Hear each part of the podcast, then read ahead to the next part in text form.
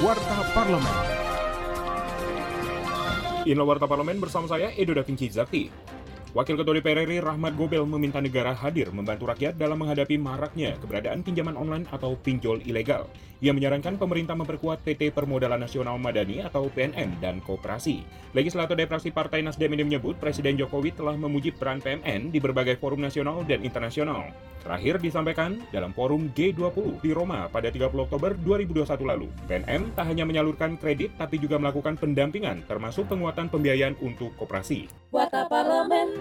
Dalam memerangi separatisme dan konflik yang kerap terjadi di Papua, anggota Komisi 1 DPR RI Yan Permenas Mandenas meminta sinergitas seluruh pihak untuk memberikan informasi dan sosialisasi secara berkala untuk meminimalisir isu-isu provokasi. Untuk bagaimana menyampaikan pesan-pesan pembangunan yang sudah dilakukan pemerintah bahkan akan dilakukan pemerintah. Termasuk juga sosialisasi secara bertahap terkait dengan aksi sadar hukum kepada masyarakat. Nah saya pikir itu harus digelar karena untuk memberikan tambahan pemahaman masyarakat agar masyarakat itu terhindar dari berbagai macam isu-isu provokasi. Di Papua ini karena kurangnya media, akhirnya provokasi itu lebih cepat masuk ke masyarakat.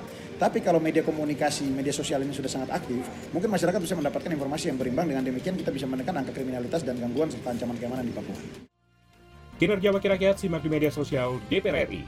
Anggota Komisi 9 DPR RI Rahmat Handoyo berharap Menko Pembangunan Manusia dan Kebudayaan atau PMK, Muhajir Effendi dapat bekerja optimal mencegah gelombang ketiga COVID-19.